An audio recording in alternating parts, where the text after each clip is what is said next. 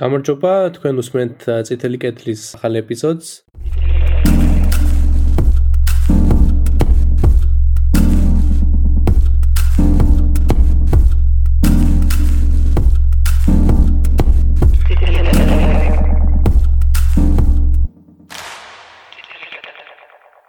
დღეს გვეყოლება ორი სტუმარი და ვისაუბრებთ ნამხვანი ჰესის გარშემო მიმდინარე მოვლენებზე. ამ თემას ჯგუფშიც ქონდა გამოხმაურება, ვიცით რომ ბევრი ადამიანი არის დაინტერესებული და ჩვენ აქამდეც გვისაუბრია მწვანე პოლიტიკურ საკითხებზე, ესეც ალბათ ამ ამ დარგის გაგრძელება არის, ამ ამ ამ სფეროს ნაწილი არის და დღეს სტუმრად გვეყოლებიან გიორგი ფსკიალაძე და ალექსანდრა აროშვილი, ორივე სტუმარი აქამდეც ყოფილა ჩვენ პოდკასტში. ძალიან დიდი მადლობა სტუმრობისთვის. ვისაუბრებთ, ესე იგი, როგორც უშუალოდ ამ შემთხვევაზე, მიხედავთ რომ თვლი რომ ახლა მსმენელების დიდი ნაწილი ისედაც იცნობს რა რა შემთხვევა არის და რა რა ხდება ადგილზე და ზოგადად რა რატომ არის მნიშვნელოვანი შემთხვევა და რა მნიშვნელოვანი პროექტი ალბათ ისედაც მსმენელებს იმას იცის ვინც არის ეს მათთვის შეგვიძლია უფრო ისეთ ინფორმატიული მასალები გავაზიაროთ კიდევაც სადაც წერია რატომ არის ეს ჰიდროელექტროსადგური პრობლემური რა რისკებს შეიცავს რატომ იყო პროცედურა რომელთაც ის შემუშავდა ხარვეზიანი არასამართლიანი არადემოკრატიული ამაზე კარგი მასალები უკვე არსებობს რაღაცები დაგროვილი არის და შეგვიძლია კიდევ ერთხელ გავუზიაროთ ამ ეპიზოდში ამაზე უფრო მეტად ვისაუბრებთ თვითონ მიმდინარე კამპანიაზე კამპანიის გეგმებზე აქციაზე რომელიც გამართა უშუალოდ შონეთში და აა ხო, მე რა დავილოდებით ჩვენს მენელებს გამოხმაურებებს და შეგვიძლია ამას დისკუსია ჯგუფშიც გავაგრძელოთ. აა გიორგი, სანდრა, როგორ ხართ? როგორ მიდით თქვენკა საქმეები? კარგად, გამარჯობა. მადლობა. დიდი მადლობა, რომ კიდევ ერთხელ გვესტუმრეთ. მადლობა თქვენ. აა მოდი პირდაპირ დავიწყოთ აქციაზე საუბრით. როგორ ჩაიარა, როგორ შევეჭლებებით დაბრუნდით. მოდი სანდრა პირველ შენ კითხავ. როგორ როგორ შევეჭლებები დაგჭა?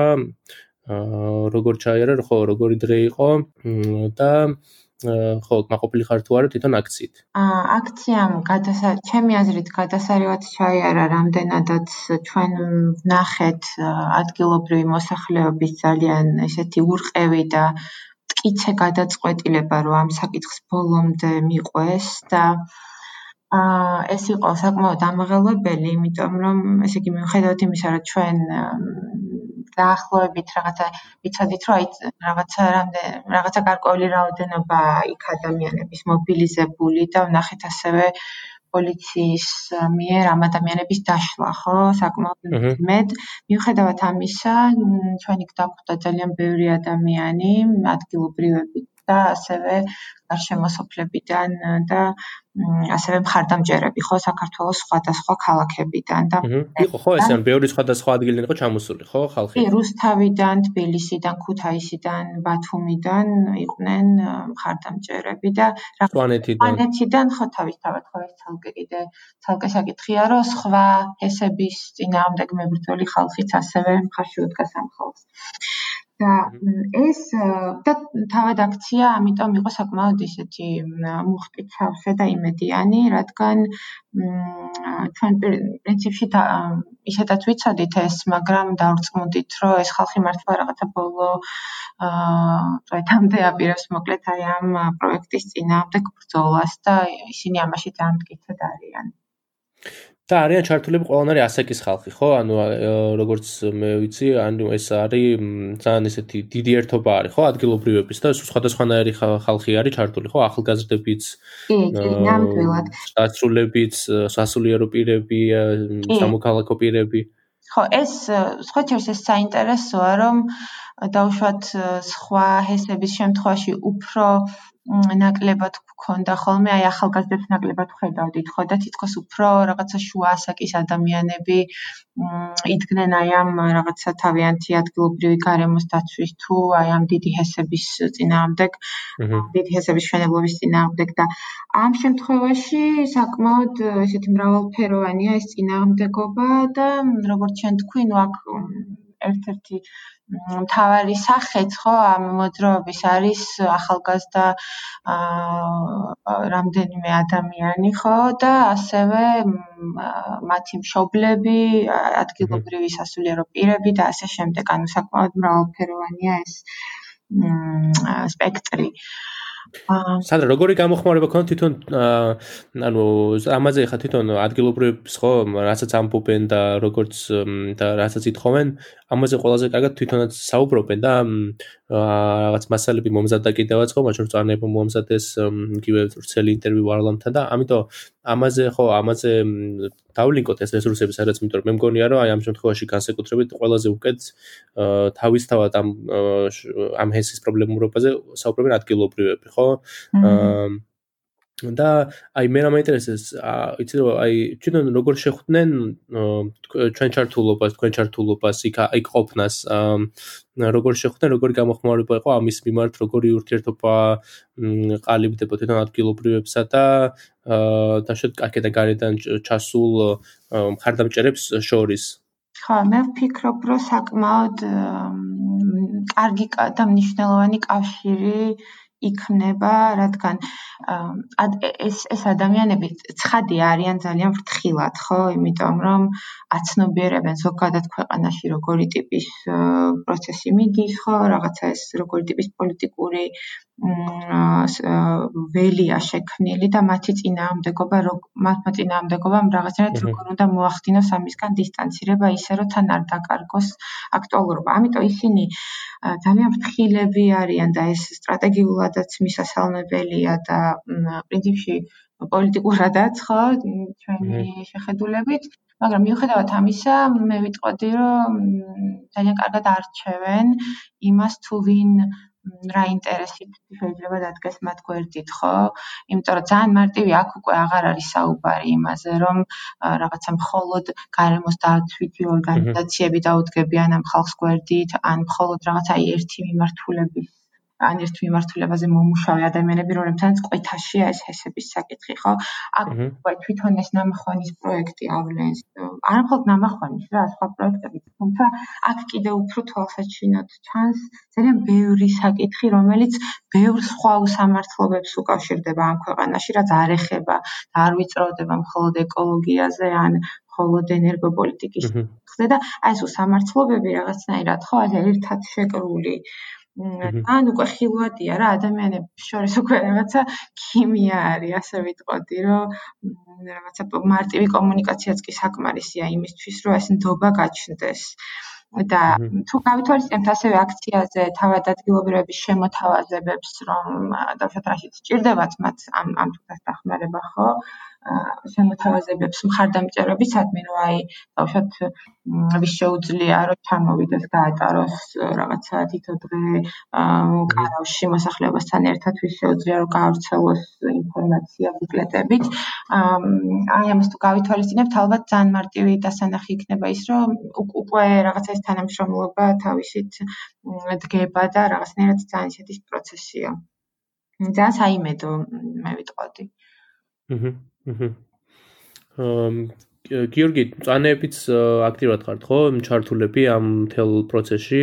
აა ეხა უსმენდი სხვათა შორის ამ ეპიზოდის რომ მზადებოდი, მოусმინე შენს პირველ სტუმრობას ჩვენთან და აა ხო, მაშინ გვიყვებოდი რომ როგორი ესე იგი მაშინ ყვებოდი იმაზე რომ აი მე რომ მოვედი ორგანიზაციაში ესე ამ ტრაუმაის კამპანიაში სულ სამი ადამიანი იყო ჩართული და რაღაც იმის მერე ძალიან გავიზარდეთო და ბევრი სხვადასხვა თემებშიცო ბევრი მეტი ადამიანი ჩაერთო და აი ზრდაზე საუბრობდი მაშინ ეს ხდება იანვარში. 2020 წლის იანვარში ჩავწერეთ ის ეპიზოდი რომ ჯერ პანდემიამდე და ჯერ ეს არაფერი არ ხდებოდა და ერთ-ერთი პირველი სტუმარი იყავი მაშინ ჩვენთვის და რაღაცნაირად შევყევი ამ ეპიზოდის მოსმენას და რაღაცნაირად მე რო ფიქრობდი რომ საინტერესო იქნებოდა შენთვის მეკითხა დავშად თუ თქვენ წანეების განვითარების საქმე როგორ მიდის და თვითონ აი ამ კონტექსტში რომ ვისაუბროთ თვითონ ამახვანის кейსზე თქვენ რა მეთოდები გაქვთ ამ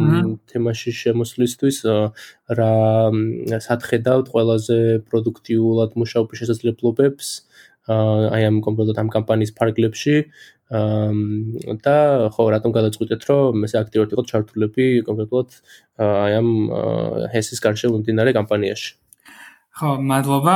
თავიდან ვერ მოგესალმეთ და მიხარია რომ ესე ვარ თქვენი სტუმარი და ხო, პრინციპში იანვარში იყო პირველი სტუმრობა, სანამ წავიდოდი და ხო ის ის მიხარია რომ დაუბრუნდი და კვლავ მაქვს შესაძლებლობა რომ აქტიურად ვიყო ჩართული აა წვანების საქმიანობაში შესაბამისად იმ ნიშნულ საქმეში რომელსაც მგონია რომ ეხლა მათ შორის ვაკეთებთ. აა რაც შეეხება ჩართულობას, კი ცხადია მწვანები ვარ ჩართულები, იმიტომ რომ აა პირველ ცხადია სანდრა მაგნიშნა ძალიან სწორად რომ ეს არ ეხება მხოლოდ ეკოლოგიას, თუმცა პირველი პირველ რიგში შეიძლება იყოს ეს ამოსავალი წერტილი, რომ ეს ეს არის გარემოს დაცვითი პრობლემა და აქედან შეგვიძლია უკვე გავშალოთ და დავინახოთ ის ის მრავალი პრობლემა, რომელიც ამ თემის გარშემო ხდება.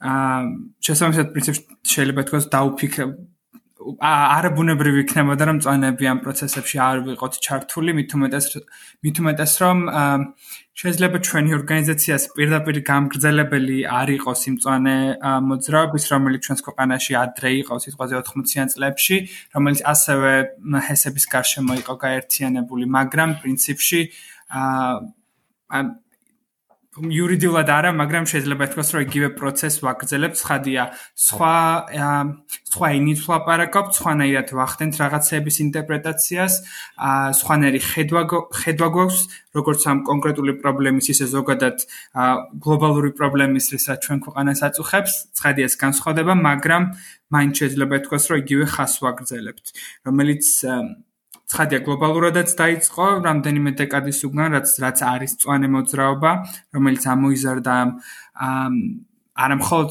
ხო საქართველოს შემთხვევაში და დაკავშირებული იყო ეს ტრანსკავკასიურ რკინიგზასთან და ამ ჰესების მშენებლობასთან ხო ხუდონის ამბავი იყო მაშინ ყველაზე აქტუალური.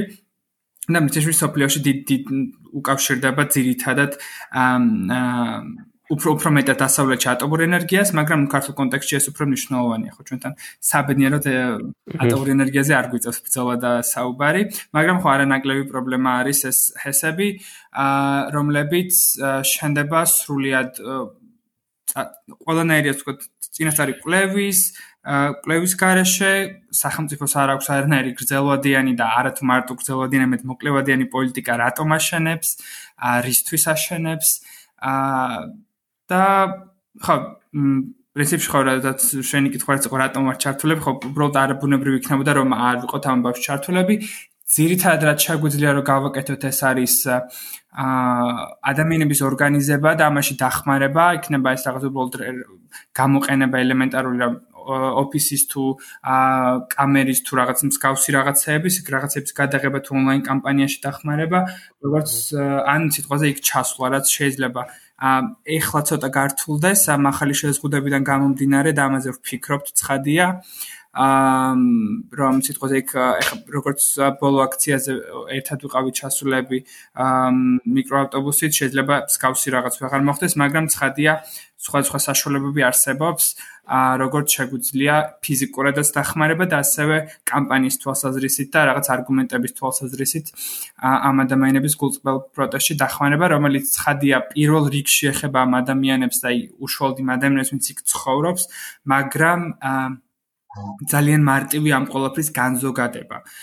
განზოგადება არა მხოლოდ სვანეთის, პანკისის თუ ზემოაჭარის შემთხვევაში, სადაც პრინციპში იდენტურ პრობლემებს ვაწყდებით და იდენტურ შემთხვევებს ვაწყდებით, არამედ ზოგადად შეგვიძლია ამ მოვლენის განზოგადება თბილისზეც, ბათუმზეც და урბანულ ცენტრებზეც, სადაც აა სადაც ასევე ძალიან გვაწუხებს ის პრობლემები, რომელი რომელსაც შეეჯახნენ ეს ადამიანები.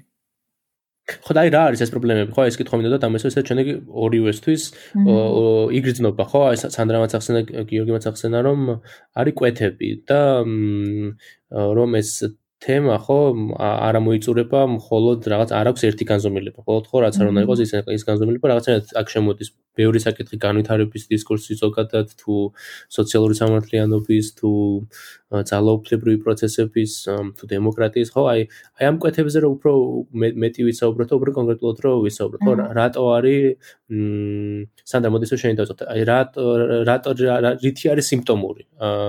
ამახვანის შემთხვევა უფრო ზოგადი პრობლემების და სად აი როგორი არის ეს კვეთა აი ამ კონკრეტულ ძალიან ფიზიკურ პროცესსა და უფრო დიდ სისტემურ ძალაუფლებრივ პროცესებს შორის რომელზეც ასევე გვინდა რომ საუბრობდეთ უფრო ხმამაღლა და უფრო ხელშესახებად ა ჩემთვის ყველაზე მნიშვნელოვანი ეს საკითხია პრინციპში ალბათ და რატომაც მე ჩავერთე ძალიან აქტიურად. ნუ გარდა იმისა, რომ რა თქმა უნდა მე არ მივესალმები როგორც მოქალაქე ამ ჰესის მშენებლობას, იმიტომ რომ ის მართლა ყოველად ესე იგი გაუთვლელი და ყოვლად არამეცნიერული გზით და ასევე კანონის დარღვევით და მოკეთ აი 1000 თუ კი რაიმე პროცედურა არსებობს მოკლედ რაც კი შეიძლება გაიაროს. ასეთ ტიპის პროექტმა ყველაფერი დარღვეულია ხო? არა მხოლოდ სამართლებრივად და რაღაცა კანონის თვალსაზრისით არამედ მეცნიერულად შესაბამისი ინსტიტუტების მუშაობის თვალსაზრისით ხო?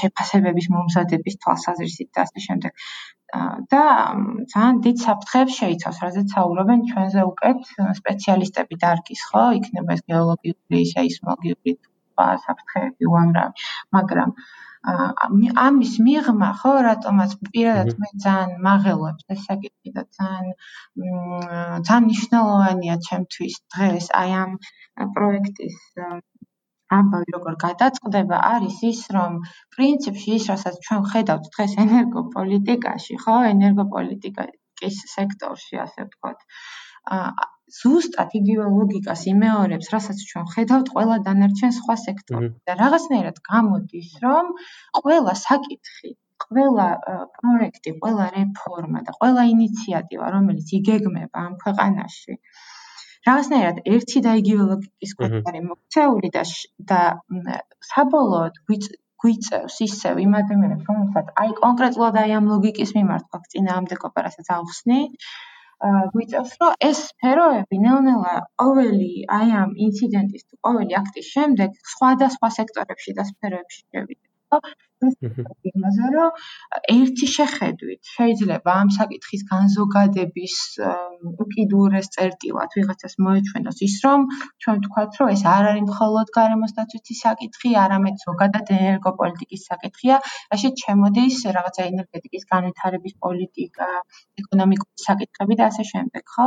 მაგრამ მეორე მხრივ ამას კიდევ უფრო ფართო საფუძველი აქვს და ეს არის თანამედროვე სამყაროში მსხვილი ინფრასტრუქტურული პროექტების საკითხი. იქნება ეს ენერგოსექტორში თუ სხვაგან. იმიტომ რომ ჩვენ რო გადავხედოთ აი ამ ზოგად ტენდენციებს, ხო? სად რომელ ქვეყნებში და რა ტიპის გეოგრაფიებში კონცენტრირდება ეს მსხვილი ინფრასტრუქტურული ინვესტიციები და რა მიზნით? ჩვენ ძალიან მარტივად დავინახავთ ამ ლოგიკას, ხო? რომ ეს არის ძირითადად ეს არის განვითარებადი ქვეყნები, ძირითადად ეს არის ყველაზე მოწყვლადი ქვეყნები აი ამ საერთაშორისო დიდი მსხვილი ინსტიტუტების და ინტერესების გავლენებისადმი და მაშინ, როდესაც ჩვენ ვხედავთ თუნდაც მხოლოდ ჰესების მაგალითზე, ხო და ენერგოპოლიტიკის მაგალითზე, მაშინ როდესაც ჩვენ ვხედავთ მაგალითად ევროპასა და ამერიკაში პირიქით დაშლას გეგმიურ ნგრევებს, ხო, აი ამ დიდი პროექტების, დიდი ჰესების და რაღაცა დიდ რიცხვებზე აქვს საუბარი. იმიტომ რომ იცლება მსოფლიო, იცლება სამყარო, ეს განვითარების ძველი გზები და ფორმები აჩვენებს თავის შეცდომებს და ხარვეზებს და ცხადია უნდა იცვლებოდეს შესაბამისად პოლიტიკები, ხო? ენერგოსექტორში თუ სხვაგან. და ჩვენ ხედავთ, რომ რაღაც ნაწილში, მსოფლიოს რაღაც ნაწილში, ასე ვთქვათ, განვითარებულ ეკონომიკებში თითქოს ერთი შეხედვით იცვლება ეს პოლიტიკები და მეორე ნაწილში, ხო, ჩვენ ქვეყნებში, ასე ვთქვათ, პოსტსოციალისტურ სივრცეში განვითარებად ქვეყნებში ლათინურ ამერიკაში, აფრიკაში და შემდეგ რა, პირიქით ეს რაღაცა ძველი გზები განვითარების რომელიც ზიანის მომტანია და ამაზე დებატები მიდის დღეს. პირიქით უფრო და უფრო მასშტაბურად და რაღაცნაირად უფრო და უფრო ინტენსიურად ხორციელდება რა.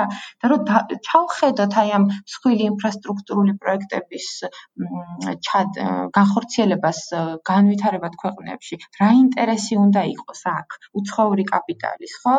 თუ არა ის, რომ აი ამ ადგილობრივი გარემოს გამოყენებით უფრო დიდი ფულადი რესურსი და ფინანსური რესურსი გაიტანოს აქედან, იმიტომ რომ სხვა არავითარი ინტერესი უცხოურ უცხოურ კაპიტალს. აი ესეთ ქვეყნებში არ ექნება ხო და ამის და ძალიან ესეთი ნათელი მაგალითია ნამახვანჰესი სადაც გარანტირებული შესყიდვის ხელშეკრულებით ჩვენ ვუდებთ ესე იგი ამ შემთხვევაში თურქულ კომპანიას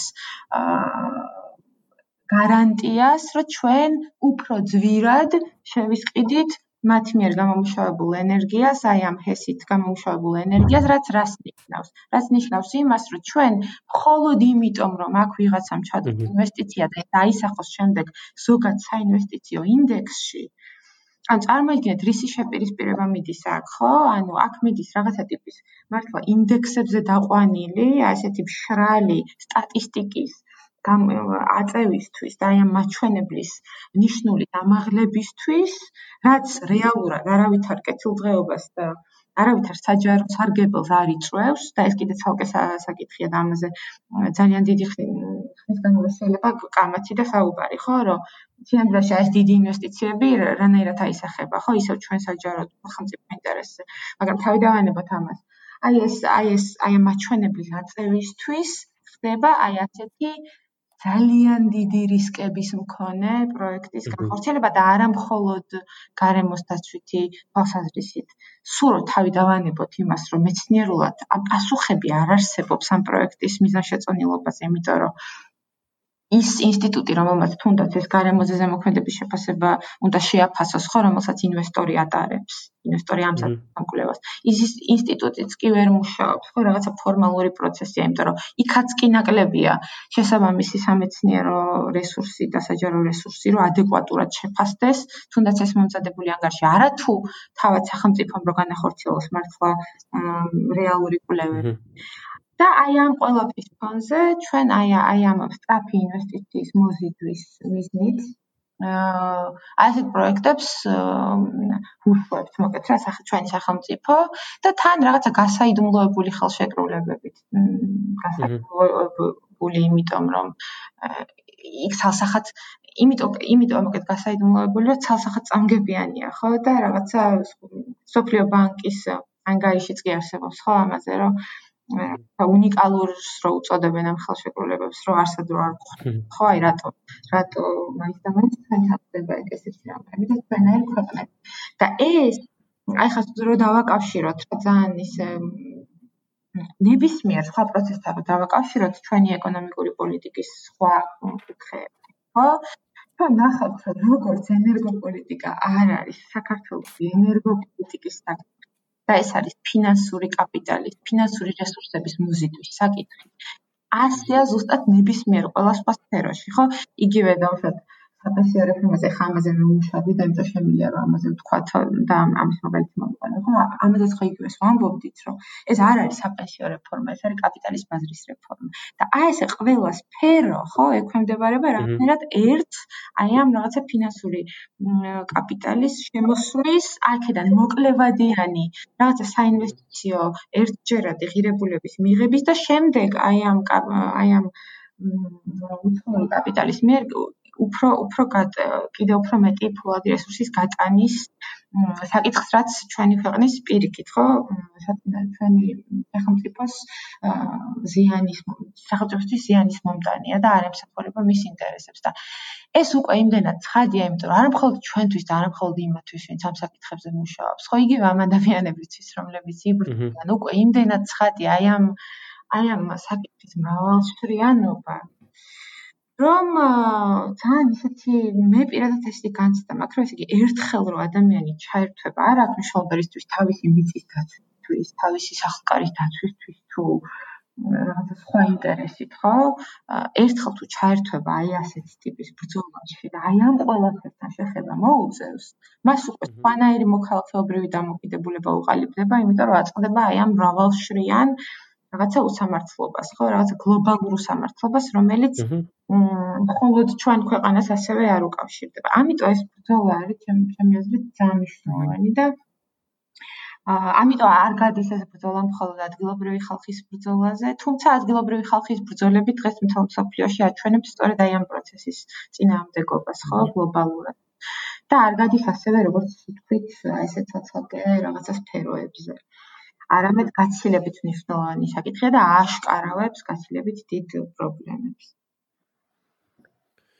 გირო შენ თქვენ რომ თბილისის თბილისის იგივე პრობლემა აქვს, ხო? თბილისის მოსახლეობაც იგივე პრობლემა აქვს, რაც რაც იქ რაც ნამოხოს რაც კურას გულის მომდი ამაში კი პრინციპში სანდრა ყველაფერს შეეხო თითქმის ხო? რა რატომ არის ეს პრობლემა უფრო უფრო გლობალური ვიდრე უბრალოდ გარემოს დაცვითი. და რატომ ეხება ის უფრო მეც ვიდრე უშუალოდ ადგილობრივ მოსახლეობას? უბრალოდ ოდნავ გავარცობდი ერთ ასპექტს.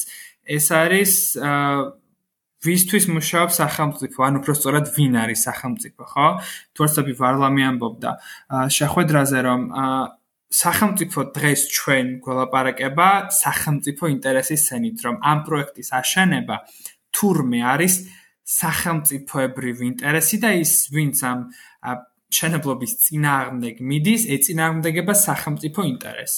და ძალიან მარტივი კითხვა უნდა დავსვათ, ან რატომ არ არის ვარლამი ან მაკა, ან თითოეულის ადამიანი ვინც იდგა სახელმწიფო და რატომ არის სიტყვაზე კახა კალაძე სახელმწიფო.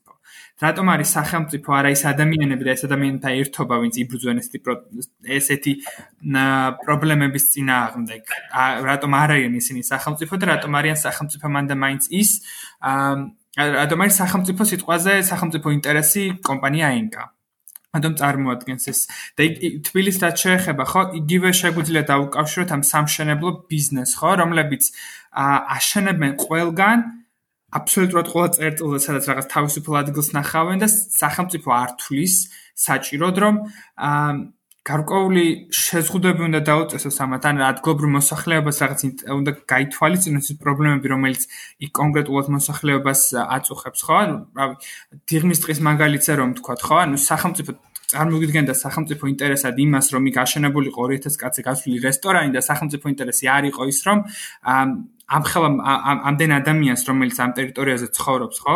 დიღმის მასივში ხონოდა სარეკრეაციო სივრცე. ან იგივე ანასბაღის შემთხვევაში რაღაც რატომღაც სახელმწიფო ინტერესად იქცევა ეს რომ ერთი კონკრეტული корпуსი ჩაიდგას და არ არის სახელმწიფო ინტერესი იქ რომ მოსახლეობას საქართველოს მოქალაქეებს ხო? მოსახლეობას კონდეს სარეკრეაციო სივრცე სიტყვაზე. ხო ეს უცნაური პრიორიტეტი უცნაური არ არის ცხადია. ჩვენთვის ძალიან გასაგებია მაგრამ ხო ანუ ეს პრიორიტეტების დაალაგება იმის მიხედვით თუ ვისი ვისი ინტერესი უფრო მაღლა დგას, ვინ უფრო მნიშვნელოვანია სახელმწიფოსთვის და ვის ვინ ნაკლებად მნიშვნელოვანია და ვინ არის სახელმწიფო და ვინ არ არის და ვინ ეწინააღმდეგება სახელმწიფო ინტერესს, ხო? აა ასევე ძალიან მნიშვნელოვანი ამბავი ჩემთვის არის ის, რომ აა ერთი რომ გამჭირვალობა საერთოდ გამქრალია, რომ სახელმწიფო მსგავს საკითხებზე ისე მუშაობს, თითქოს ეს არ იყოს პოლიტიკური საკითხი და ამ ყოველფერში მოსახლეობის ჩართულობა არ არ არის საჭირო და ერთადერთი ერთადერთი ადგილი სადაც კომუნიკაცია უნდა ხდებოდეს მოსახლეობასთან არის ის მომენტი, როდესაც სთავაზობენ კომპენსაციას და რაღაცის გადახდას იმის სამწუხაროდ რომ საკუთარი სახლები წინაპრების საფლავები თუ მიწა, სადაც ისინი ცხოვრობენ და მუშაობენ, დატოვონ, ეს არის ერთადერთი ერთადერთი სივრცე, სადაც კომუნიკაცია ხდება, ხო? ან რაღაცა თეატრად გადაქცევ, რაღაც უაზრობად ქცეული ეს შეხვედრები, რომელსაც აწყობენ ხოლმე აა ვითომ ადგილობრივ მოსახლეობასთან. სადღაც რომ მიყავთ და იქ რაღაც ვითომ შეხვედრას ატარებენ, ხო?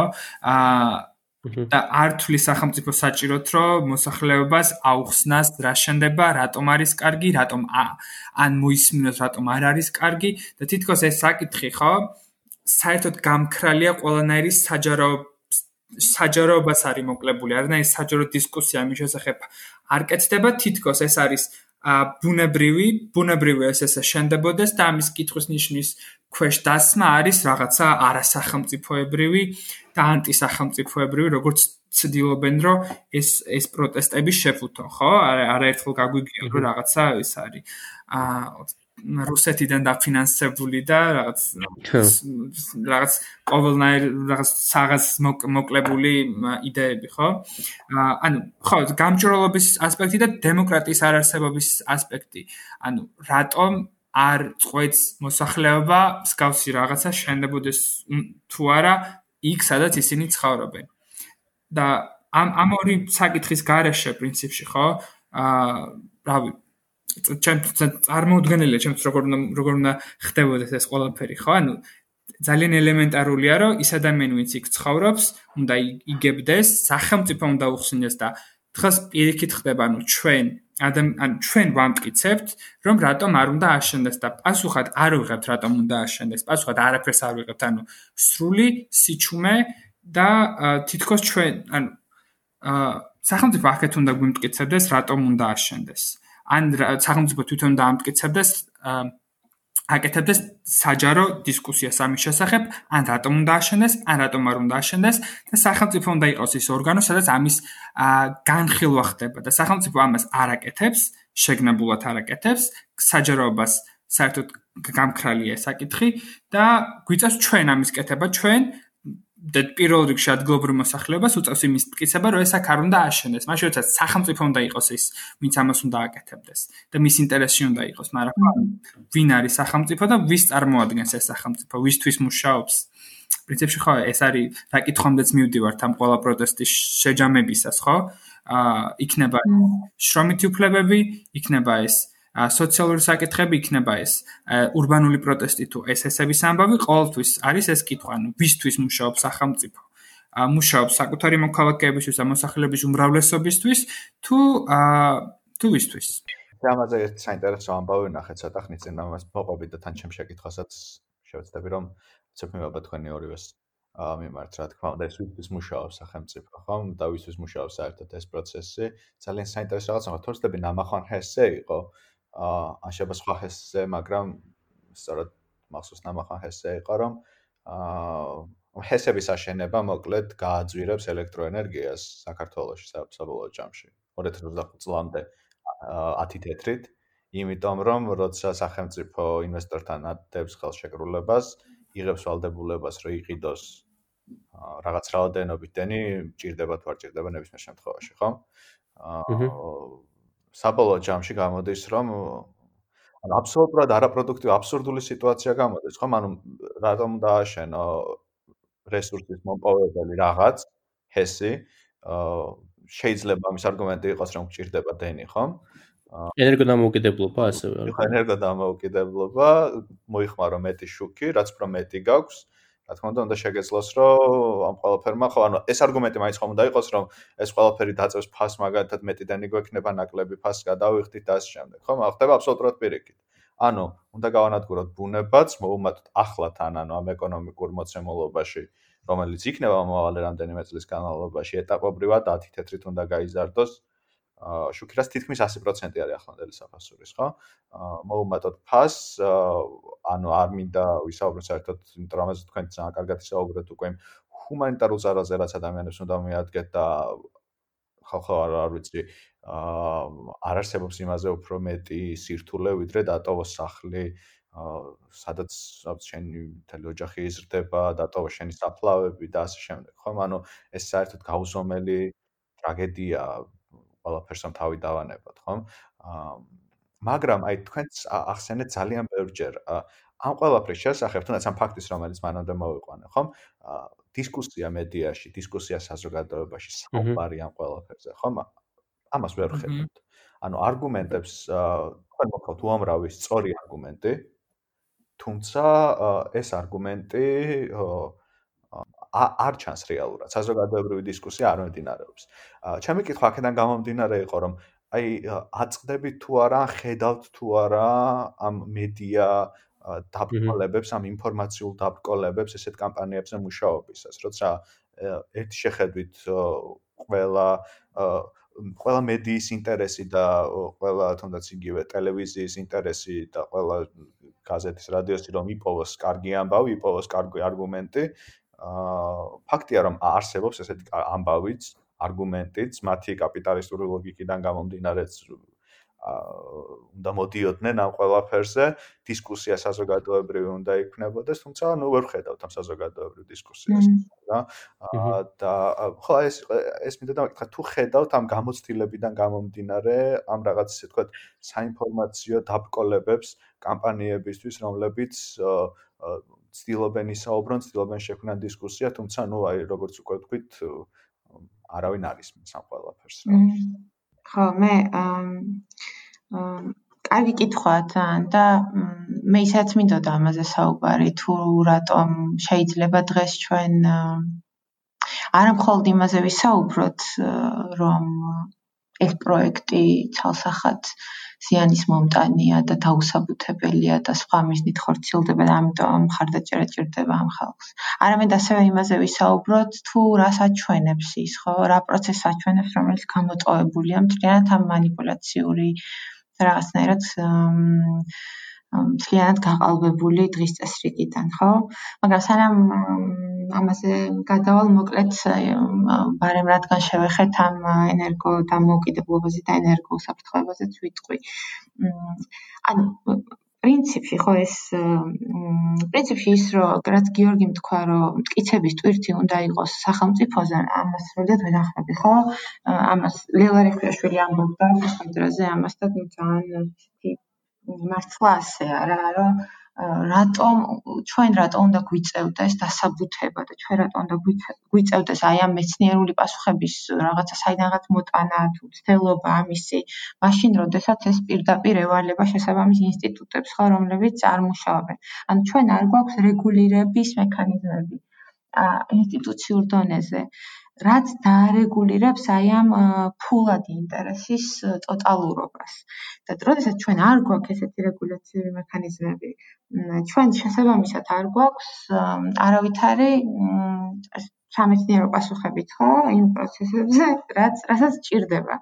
ან უშუალოდ ჭირდება სამეცნიერო პასუხებით, როცა ეს ისეთ საკითხს ეხება, როგორც ჰესია. და ამის ეს მტკიცების ტვირთი მთლიანად უნდა იყოს სახელმწიფოზე ცხადია. და სახელმწიფო რას გვეუბნება? მისი ერთადერთი მტკიცება რა არის?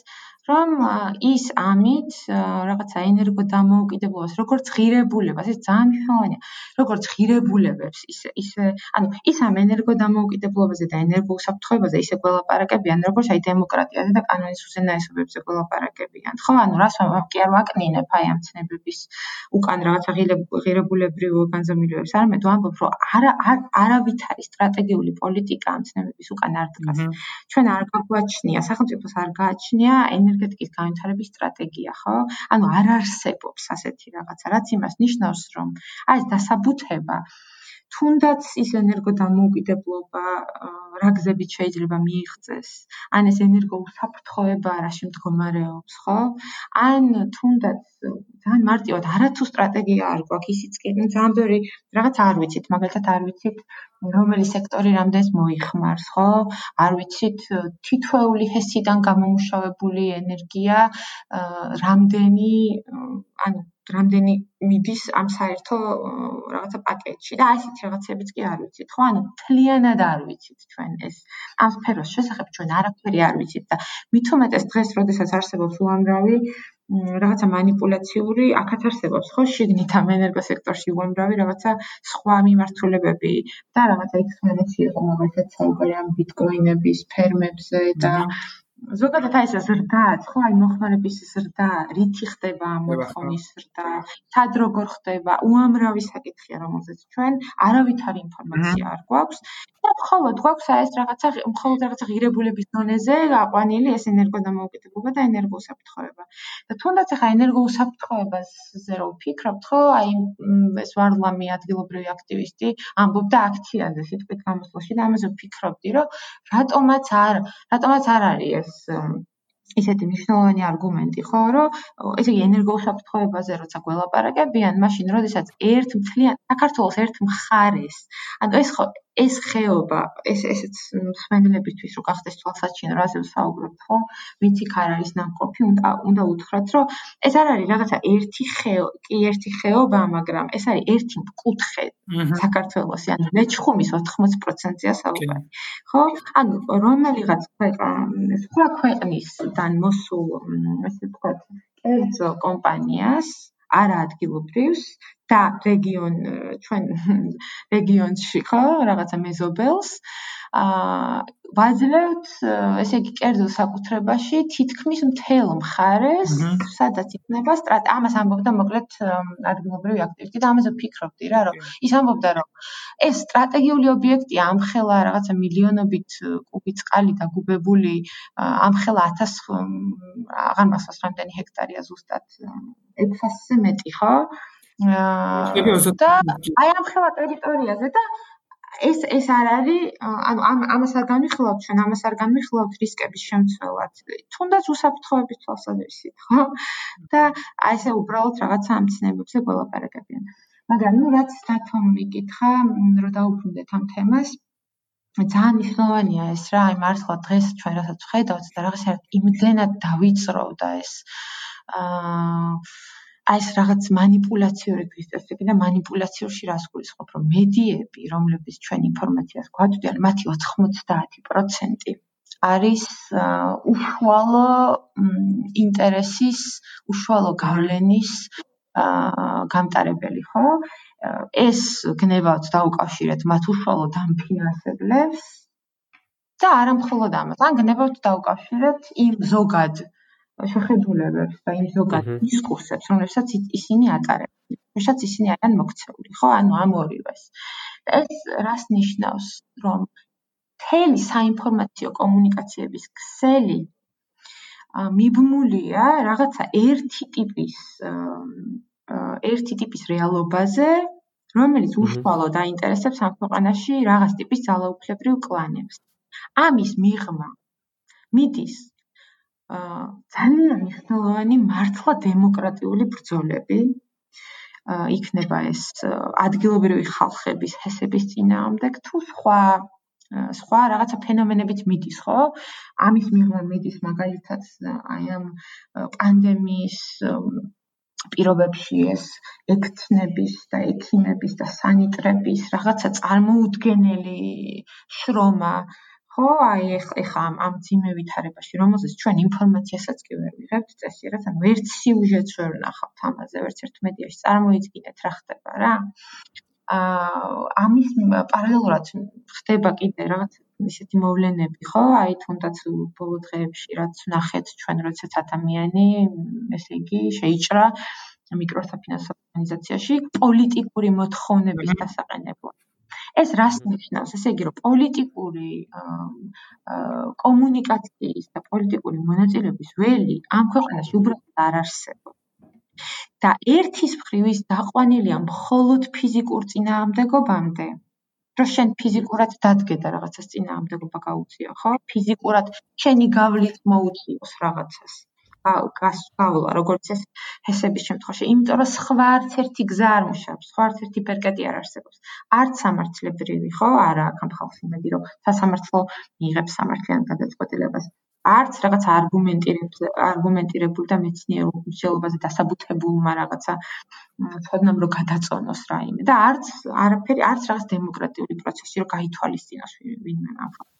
და მხოლოდ ფიზიკური წინააღმდეგობა და მეორე ეს ესე იგი ერთი ხრივ რჩება ეს კოდები და მეორე მეორეს მხრივ ჩვენ რას ხედავთ რომ ასევე აი ამ უწვავესი სოციალური პრობლემების და რაღაცა მართლა უკიდურესობამდე მისული განწირული მარგინალიზაციამდე რაღაცა ის სრულიად ასე ვთქვათ დახშული ხმა საიდან გვესმის ხო? გვესმის რაღაცა ესეთი სიცხის სამართლის დანაშაულიდან, ხო? ანუ წარმოიდგინეთ რა ხდება, რომ იმდენად პოლიტიკა მთლიანად გამქრალია და მართლა პოლიტიკური მოედნის ძველი, რომ ჩვენ მხოლოდ აი ამ გზებით ხედავთ აა მექანიზმებს ადამიანებმა თქვან თავიანთი სათქმელი. და აი ამ ნამხვან ეს ეს გარშემო მომზადებული ძალიან კარგი ფილმი არსებობს. რომელიც ნინო გოგომ დაეკაწოწორია მოამზადეს რა. ეს არის აი მართლა ესეთი ძალიან ეთიკური და ძალიან სწორი პოლიტიკურადაც და ნუ რა თქმა უნდა შემოქმედებითაც ძალიან ესეთი ჩემთვის ძალიან მისასალმებელი დოკუმენტალისტიკა ხო? როგორ შეიძლება შენ მუშაობდეს საქართველოსში აი რაღაც ეს ტიპის საკითხებზე იმიტომ რომ არის ძალიან მინიმალისტური და ყოველგვარი აი ამ საკითხზე ყოველგვარი აი ამ არგუმენტების საუბრის ნაცვლად ჩვენი ხედავთ უბრალოდ ერთი პერსონა პერსონაჟის პირად დამოკიდებულებებს გარემოს შენარჩუნების შესახებ.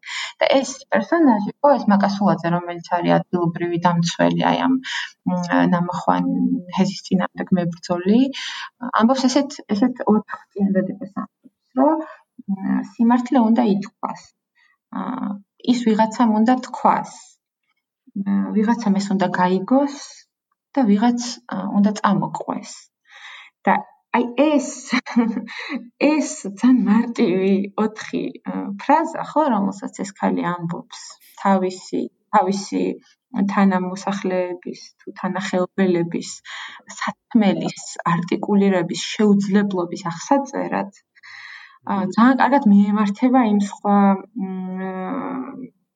სხვა ადამიანების სათქმელსაც რომელთა განცირულებაზეც და უხმობაზეც ჩვენ ვისაუბრეთ ხო? ამიტომ ამიტომ რაზად აეს წინააღმდეგობები, ხო, ეს ჰესის წინააღმდეგ ბრძოლა, ჰესების წინააღმდეგ ბრძოლა, ადგილობრივი ხალხების ბრძოლა და ეს ნამდვილი დემოკრატიული ბრძოლები, იმიტომ რომ როცა ჩვენ ვამბობთ, რომ ისინი თავისუფალია манипуляციური დღის წესრიგისგან პირველ რიგში იმას გულისხმობთ, რომ არავინ ამ ხალხის უკან არ დგას, ხო? აი ის ის ხალხი, რომელიც ამ მედიების და აი ამ რაღაცა ინსტიტუციური სატელიტების უკან დგას, ამ ხალხის უკან არ დგას. არის რაღაც გვირაბის ბოლოს დანახული შუქივით, ხო, რომ არც ისეთი ტოტალურია ამ ქვეყანაში ეს გაყალბებული რეალობა და რაღაცა ფანჯრები არსებობს. და ამიტომ აი ეს არის კიდევ დამატებითი არგუმენტი ჩემი აზრით, თუ რატომ არის დღეს აი ამ წინააღმდეგობაში საკუთარი თავის აღმოჩენა, აღმოჩენა და მონიშნა, რატო არის დღეს ალბათ ყველაზე პროგრესული ბრძოლის ნაწილი, თუ კი შენ შეიძლება ამ ქვეყანაში დღეს რაიმეს ნაწილი იყო რა. იმიტომ რომ სულ რომ დაასაბუთონ, სულ რომ მართლა სახელმწიფომ შექმნას ეს სტრატეგია, ხო? დაგვისაბუთოს, რომ ეს ეს საჭიროა და იქ არ არსებობს არავითარი რისკები გარემოზე ზემოქმედების და სხვა, ну რაც ახლა ყოველგვარი კვლევების გარეშეც ბევრი რაღაცა ისე წასაკინო და ვიცით რომ ეს ასე არის, მაგრამ ასეც რომ მოხდეს, ხო? ამ შემთხვევაშიც კი აი ეს ეს ველი, აი მოქმედების ეს არეალი, რომელიც არსად არ არის, აი თავისი ტიკულებს გზას აი გაყალბებულ რეალობაში არის უაღრესად მნიშვნელოვანი ბრძოლის ველი დღეს, ჩემი აზრით. თუმცა სანდრა და გიორგი ორივეს მინდა კითხოთ აი აქედან გამომდინარე კითხვა არის რომ თუ აი ესეთია ჰეგემონიური მზერა ხო? თუ ესეთი არის მეინსტრიმული მედია გარემო ხო? მაშინ ხო არ უნდა შეიცვალოს თვითონ ბრძოლის პრაქტიკები და ბრძოლის ტაქტიკები, რომელიც შემთხვევაში არის მიმართული იმისკენ, რომ ეს მზერა მიიპყროს, ხო? ანუ თუ მედია გარემო ესეთია, რომ ან საერთოდ არ გაშუქებს, არ გაქცევს ყურადღებას, ვერ ხვდები მისი მზერის არეალში, ან თუ მოხდი მისი რაღაც ყურადღების არეალში, შეიძლება უარესი აღმოჩნდეს, ისე გაგაშუქოს, ისეთი კუთხით გააშუქოს მოვლენები, ხო? ანუ თუ ესეთი არის ეს მზერა, ხო? მაშინ პარადოქსული და კონტრპროდუქტიული ხო არ ჩანს ისეთი პრაქტიკები ბრძოლის, რომელიც არის მიმართული როგორც წესი აი ამ მზერის მიპყრობისკენ. და მაინც გათვლილი არის აი მაინც ცვლილების გზა ხედავს პირველ რიგში აი ამ მზერის რაღაცად მობილიზაციას და მისკენ მიპყრობას, ხო? ხო გესმით ესეთი ეს ესე იგეგმება ხოლმე, ხო ხშირად აქციები და რა ვიცი თქვენს ყოფილვარ და ესეთი ნაწილი მეც ყოფილვარ და მე სუმიჩდება ხოლმე ეს კითხვა რომ ანუ თუ აღიარებთ რომ არაფერში არაფრად არ ღირს ამ მედიის ყურადღება და პირიქით შეიძლება დამაზიანებელი რომელიც იყოს ხო ხშირ შემთხვევაში რა. აა მაშინ აი რა ბრძოლის პრაქტიკები და რა ბრძოლის ტაქტიკები იქნებოდა უფრო შესაბამისი ამ ინტერპრეტაციის არსებული ველის ხო? არ ვიცი გიორგი თუ გძნობთ თქვენს წვანეები აი ამ დაპირისპირებას საინტერესოა რა ბრძოლის პრაქტიკებს შეუძლია აი ამის დაზღვევა რა ბრძოლის პრაქტიკები მიგაჩნიათ უფრო შესაბამისად აი ამ კითხვის აი ამ რიდინგის სიტუაციის კი ძალიან სწორი ანალიზი რაც რაც ახლა მოხდა, მაგრამ ერთი პრობლემა სამწუხაროდ არის ის, რომ სანამ შოულ ჩვენ ხედვაზე რაღაც წარმოდგენაზე გადავალ არის ის, რომ რაღაც კვლევა ნახე ცოტა ხნის წინ რომლის მიხედვით სამწუხაროდ მოსახლეობის 80%-ისთვის რომელიც საკმაოდ დიდი რიცხვია აა ინფორმაციის მიღების პირველადი და პირველადი წყარო არის სწორედ ის მეინსტრიმული მედია. და ტელევიზია. ხო თუ ხოლო ძალიან ცოტა ზუსტად პროცენტი არ მახსოვს მაგრამ ეს მარტივად ამოსაგდები კვლევა. ძალიან მცირე ნაწილია ის რომელიც ონლაინ მედიას აქცევს ყურადღებას და მათთვის არის ეს პირველადი ინფორმაციის წყარო. ცხადი ეს არის ის რაზეც უნდა ვიფიქროთ აა და სამწუხაროდ ამ ეტაპისთვის ალბათ მოგვიწევს გარკვეული კომპრომისების კეთებაც ამ ამ ამ რაღაცასთან რომელიც 80% აქვს ყურებადობა და 80% მოსახლეობის მხოლოდ აქედან იღებს ინფორმაციას. აა შესაბამისად მედია ყურადღების მიქცევა რაღაც მომენტში არის მნიშვნელოვანი და რაღაცებს მართლა ეხმარება. ცხადი არის პრობლემა როგორ გააშუქებენ ასე შემდეგ და ასე შემდეგ. მაგრამ აა ნუ არის ეს ეს ამბავი ესეთი მოცემულობა, რომელიც უნდა შევცვალოთ. უბრალოდ ეს არის საქმე, რომ ეს არ უნდა მივიღოთ რაღაც აა მოცემულობა, რომელიც უცვლელია. მე მგონია, რომ შესაძლებელია ამის შეცვლა და ამის მორყევა. აა ძალიან რთულია და ძალიან გრძელვადიანი პროცესია ცხადია ეს, რომ მედია მეინსტრიმ ტელევიზია არ იყოს ინფორმაციის მიღების ყველაზე მნიშვნელოვანი წყარო, მაგრამ არის შესაძლებელი რომ ეს პროცესი დაიძრას. აა რაც შეეხება მწვანებს, ცხადი ამაზე ვფიქრობ და არათუ ვფიქრობთ, არამედ მოქმედებთ ამის მიხედ, ანუ ამ ამაზეც და ვფიქრობთ რომ აა ცალკე ასე ვთქვათ გარდა იმისა, რომ რაღაც კონკრეტულ შემთხვევებს ვაპირებთ რეაგირებას და კამპანიების წარმოებას თუ სხვა სხვა პროცესებში მონაწილეობას, ხო, პოლიტიკაში ჩართულობას, ვფიქრობთ მედია კონტენტზეც და ძალიან ხშირად განახლებად ინფორმაციის წყაროზე და ამის შექმნაზე იქნება ეს რაღაცა მცირე სტუდიის მოწყობა თუ იქნება ეს ძალიან ხშირად რაღაცების დაწერა თუ ვიდეოების გადაღება სიუჟეტების გაკეთება სხვა სხვა თემებზე. მოკლედ რასაც პრინციპში მედია ქვია ხო? ცხადია ისე როგორც ჩვენ ამას ვხედავთ როგორც ვახდენთ ინტერპრეტაციას მიმდინარე მოვლენების ამ კუთხით და პრეტენზია ცხადია არ არის იმაზე რომ იქნება და პრინციპში ხო მგონი არც არსებობს ეს ობიექტურობაზე, როდესაც თავი მაქვს ხოლმე ჩვენ მეინსტრიმული მედიის წარმომადგენლებს, რომ ობიექტური უნდა იყოს მედია, ხო? ჩვენ არ მგონია რომ გუჯაროდეს, რომ შეიძლება ობიექტურ ობიექტურობა არსებობდეს. აა და ხო ცხადია მწვანებიც ფიქრობ, კერძო ვაკეთებთ ამ ყველაფერს, ვიწყებთ ამის აწყობას. აა მათ შორის ახლაც უკვე რამდენიმე ვიდეო გადაღებული არის და ნელ-ნელა დაიწყება ამის ატვირთვა და რაღაც სტუდიის ფორმატზე და რაღაც ყოველთვის რაღაცები მიმდინარეობს ამ ხრივ, რაც მგონია რომ ძალიან მნიშვნელოვანია. მათ შორის ის რასაც ითელი კედელი აკეთებს ამ კუთხით, ხო რაღაცა ამ აი ალტერნატიული მედიის შექმნის აა პრეცედენტი იქნება. რაც არის ძალიან მნიშვნელოვანი. აჰა. და აი სანამ აი სანდრა სანამ ეს ეს გვექნება ხო? აი სანამ გვექნება ალტერნატიული მედი მე ალტერნატიული მედიები ხო? სანამ იქნება ეს ისეთი მედიები, რომლის ყურადღების მიპყრობა ღირს. აი მანამდე რა პრაქტიკები მიგაჩნია ყველაზე აა ეფექტურად ხო? იმიტომ რომ ხა აქაც ხო? აი იგივე ნამოხანის შემთხვევაშიც მიზანი რა არის ხო? ანუ კამპანიის მიზანი საბოლოო ჯამში არის რომ ანუ არაშენდეს ხო? აი რაღაცა ესეთი აი ესეთი იმით რომ დავიწყოთ ხო? არა აი რომ გამოვტოვოთ ისინი რასაც იღებდით ხოლმე მოცემულობა თავიდანვე რომ მნიშვნელოვანია მედის ყურადღების მიპყრობა რომ მნიშვნელოვანია რაღაცის სადღაცამდე მიტანა და რო შევხედოთ აი გარედან და უფრო ფუნდამენტურად ხო? აი გვინდა რომ არაშენდეს თავშოთ ამახვანი ხო? და აი ესე და ესე ვფიქრობთ არსებულ მედიაზე არსებულ დღის წესრიგზე ხო? აი მაშინ რა პრაქტიკები მოჩანს შენთვის უფრო შესაბამისად აი ამ ამ სიტუაციის? მე არ ვიცი, აი რაღაცა ბოლო დღეებში ამაზე დისკუსია მომიწია, ისედაც ბევრ მეგობართან და თანამოაზრესთან, აი მედიის საკითხზე და რაღაცნაირად მე ამ ბოლო დროს და ალბათ აი რაც ეს რაც ახსენეთ ხო რაც გამწვალდა ეს რაღაც ძალიან უკიდურესობამდე მივიდა აი მედიის მეინსტრიმული მედიის მიერ თავისთვის შემოსაზღვრული საკითხები. იმიტომ რომ ეს ეს სუ არ იყო. ახლა ჩვენ რო პრინციპში დავაკვირდეთ ქართული მედიის განვითარებას, ხო? არასდროს ახლა ჩვენ ნორმალური მედია არ გვქონია ისეთი, რომ სოციალურ ორიენტირებული კი არა, ზოგადად რომ რაღაცა მართლა რომ ხელი მიუთვდებოდა ყველა მნიშვნელოვან პროცესზე და ყოველთვის ის манипулиრებული იყო, მაგრამ ბოლო პერიოდში რაღაც განსაკუთრებით დავიწროვდა ის და რაღაცა ძალიან ისეთი გახდა ხო? პოლარიზებული და აი ამ ბოლო დროს მე ვფიქრობ, რომ არა თუ ეს ეს უბრალოდ პრობლემა კი აღარ არის, რომ ეს მედიები ყურადღებას არ აქცევენ აი მნიშვნელოვან პროცესებს. მე ვფიქრობ, რომ შეიძლება რაღაც მხრივ შეიძლება იყოს უკეთესი სტრატეგიულად და ამას ვფიქრობდი ზუსტად აი ამ ნამახვანის საკითხზე რა, რომ პრინციპში ჩვენ არ გვქონია აქამდე ასეთი პრეცედენტი, რომ საერთოდ არავის არავინ არ აშუქებდეს აი ესეთ ტიპის მოვლენას.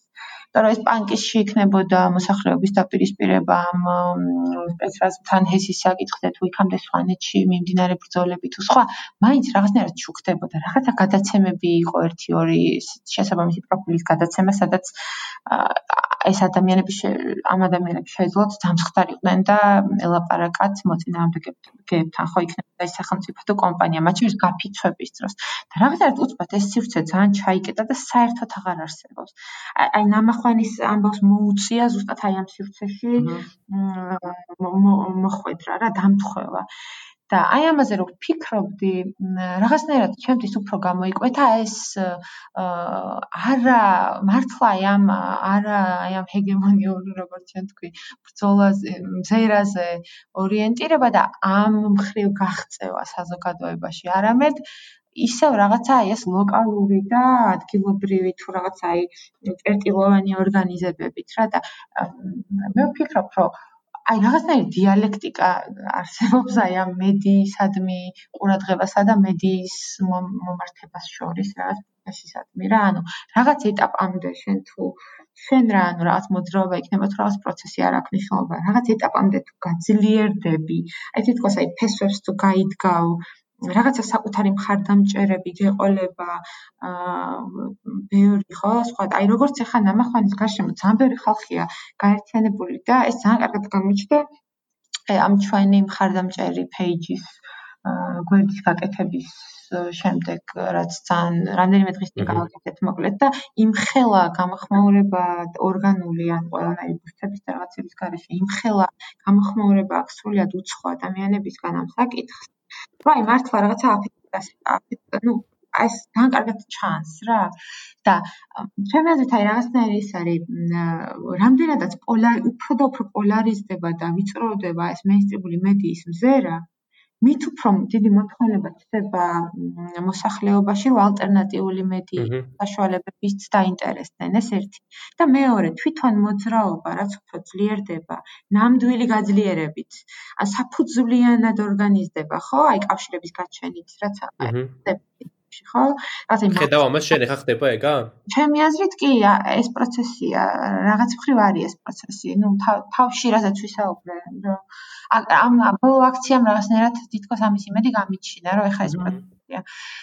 რაც რო ეს მართლა საფუძვლიანად ორგანიზდება, მე თვითონ ეს მედიები იძულებულები ხდებიან, რომ საკითხი გააშუქონ.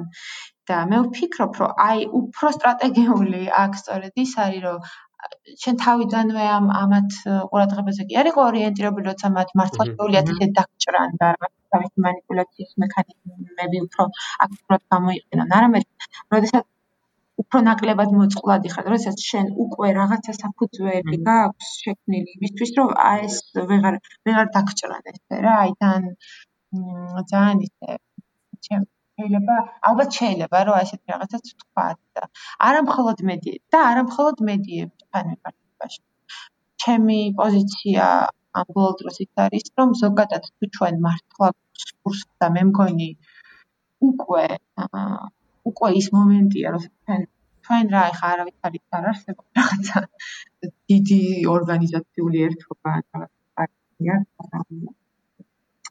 აა საუბრობთ უკან ხო რაღაცა უბრალოდ რაღაც სხვა იდეების გარშემო გაერთიანებული ადამიანების აფაქტობული შრეა ხო მაგრამ თუ გვაქვს საერთოდ აი ამ ჩვენის თქმის საფუძველი ხო თუ არსებობს კოლექტიური სულისკვეთება მე ვფიქრობ რომ არა მხოლოდ მედიების კუთხით არამედ ისედაც ზოგადად აი ნაკლებად აი ამ სოციალურ ელში რაღაცების გადაწყვეტა და დისკუსიები რომ ძალიან თქმიდის და რაღაცა ეს ხარეები გარშემო რა აკალიბდება.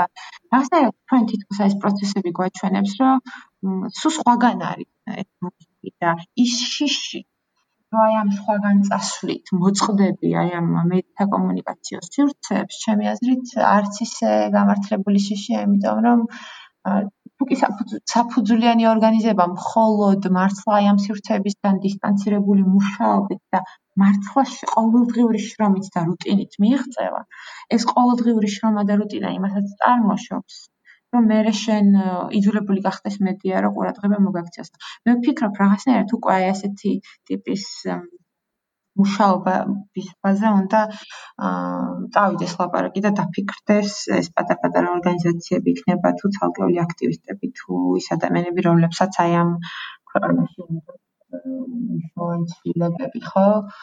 ანუ ეს ვეღარ ვეღარ დარჩება თითქოს ისეთი მ ისეთი ჩიხია თითქოს რომ ვეღარ დარჩება ეს რაღაცა ინდივიდუალური აქტების და აი სოციალურ ქსელში თუ რაღაცა ესეთ ზოგ ზოგჯერ ფრაგმენტულად მედიაში რაღაცა საკითხის წამოწევის ამარა ვეღარ დარჩება და მართლა იმეშრომა გასაწევი.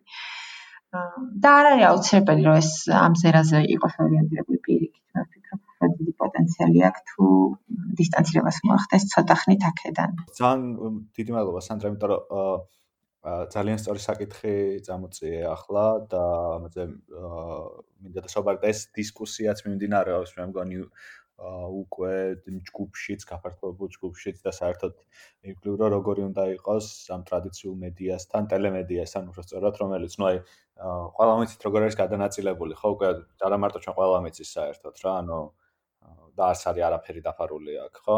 აა როგორი უნდა იყოს მასთან ურთიერთობის პოლიტიკა, იმიტომ რომ ეს სიმულაცია საერთოდ საზოგადოებრივი ცხოვრების, რომელიც შექმნა და ისწავლა მედიამ რო შექმნას ეს ბოლო 30 წელი და მანამდეც არ აკვდათ რა თქმა უნდა, მაგრამ ეს განსაკუთრებით ბოლო ტექნიკები, როცა ერთ პარტიას ერთი ტელევიზია ყავს, მეორეს მეორე, მესამეს მესამე, მეოთხეს მეოთხე და ასე შემდეგ. ხო ეს პოლიტიკის მონოპოლიზაცია საბოლოო ჯამში რაც მოახდინეს ამ აბსოლუტურად ერთი და სწორად აღნიშნეთ ამ საუბარში ძალიან ბევრჯერ ჩემი ეს აბსოლუტურად ერთი კონკრეტული სისტემის, ერთი ინტერესის ჯგუფის მსახურმა სხვადასხვა სახელით დაფუძნებულმა ორგანიზაციებმა არის რომ აი ეს იყოს მუდმივი სიმულაცია თითქოს საზოგადოებრივი ცხოვრების, ხო? რომ თითქოს რაღაც ხდება, თითქოს არსებობს ბევრი პოზიცია საზოგადოებაში და ამ ბევრ პოზიციას შორის შემდგომ გამოჩნდება ვიღაც არბიტრი და გადაწყვეტს რომელი არის ყველაზე სწორი პოზიცია, ხო? ანუ ეს არის აა ესეთი წარმოებული ტყუილი, რომელსაც სისტემატიურად ავრცელებს ყველა, ხო, ყველა მედია.